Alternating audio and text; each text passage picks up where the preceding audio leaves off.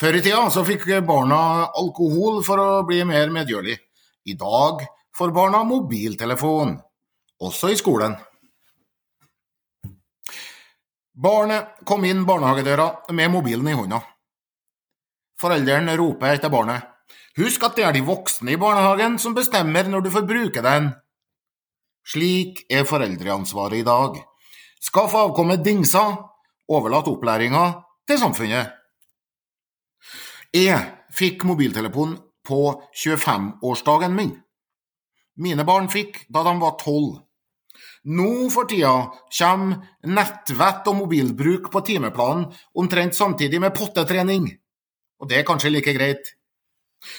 Miste telefonen i do var lenge den vanligste årsaken til tap av mobiltelefon i redaksjonene jeg har jobba i før Nasjonen.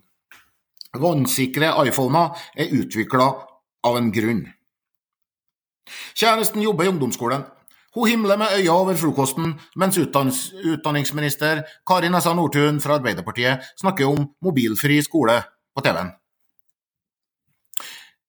Vi har aldri tillatt at mobilen er framme i klasserommet. Nå samler vi inn mobilene om morgenen, sier kjæresten. Så snakker vi om at eh, du kan ha konsentrasjon med mobil, men at du ikke kan ha læring uten konsentrasjon. Mobilene stjeler konsentrasjon, sier kjæresten. Så sier Kari Nessa Nordtun på TV at det er krevende for barn å lese lengre tekster på skjerm. Da blir det vel snart slutt på lange tekster, sier jeg.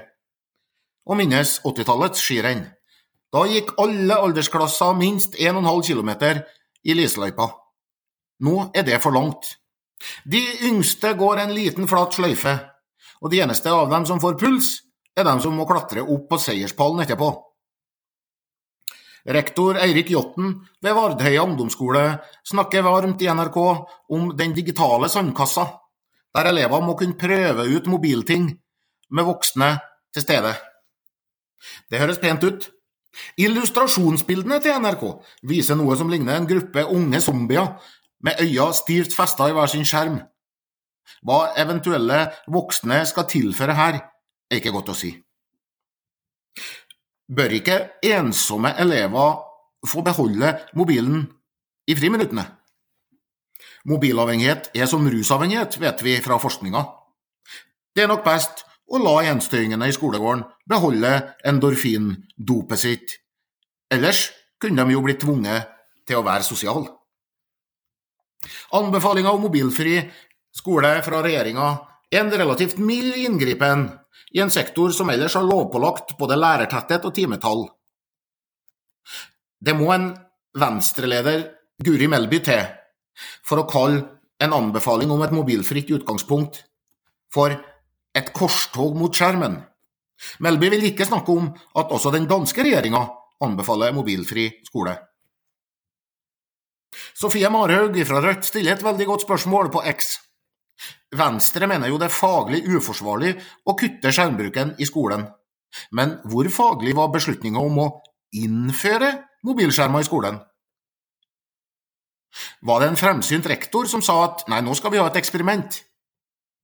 Eller dro den første eleven opp mobilen i klasserommet som en ren tilfeldighet?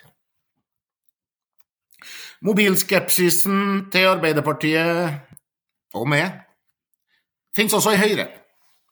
Under fjorårets landsmøte gikk Gamlisungdommene Nikolai Astrup og Mathilde Tybring-Gjedde i allianse med partiets perlekjede-seniordamer og krevde mobilfri skole som hovedregel. Bård Ludvig Solheim Thorheim sa til NRK lærerne må stå fritt til å bruke mobil i undervisningen, men det bør være en nasjonal ramme at mobilen ikke skal være fremme i timen. Det her fikk partikollega Sveinung Stensland til å spørre om Thorheim var på feil partilandsmøte. Mobilforbud i skolen er ikke høyrepolitikk, meldte Stensland. Det hørtes ut som eleven i Norvegia-reklamen. Han som truer læreren med å ringe faren sin, som ringer advokaten sin, som ringer læreren. Trusselen fikk da også landsmøtet Høyre til å droppe mobilforbud. Elevorganisasjonen er redd for hva skoletimer uten mobiltelefon vil gjøre med elevenes teknologiske dannelse. Leder Petter Andreas Lona sier til NRK NTB at skolens mobilforbud skyver ansvaret over på, ja gjett, foreldrene. Ja, det skulle tatt seg ut om folka som pusher mobil på barna, må ta ansvar for det, og passe på at ikke ungdommen bruker TikTok til klokka tre på natta, som Lona sier. Det her er visstnok en jobb for skolen å hindre, slik det er barnehagens jobb å hindre at lille Renate Chanel får trolldeig i mobilladeren sin. Hennes ansvar er det jo ikke. Da seksåringen til Vegard Michaelsen i Nannestad ble redd over å få nødvarsling om flom inn på sin mobil, så kritiserte Michaelsen statsforvalteren for å ha sendt ut nødmeldinga. Å gå på badet og ta en alvorsprat i speilet med mannen som kjøpte mobil til seksåringen, nei, det var aldri aktuelt. For dersom det ikke var for, fylkes, for statsforvalteren, så ville det jo aldri komme skumle ting inn på barnas mobil. Snart vil en forelder til et barn som har drukket seg kjellerdritings på medbrakt alkohol, kritisere skolen for ikke å lære barna drikkekultur. Inntil da kan vi høre på Kari Nessa Nordtun som sier elevene kan allerede mye om mobilbruk. Det de må lære i skolen, er fagene. Det var dagens eh, gamlismelding fra Nasjonen på Øre. Ha en eh, strålende dag, enten den er digital eller analog.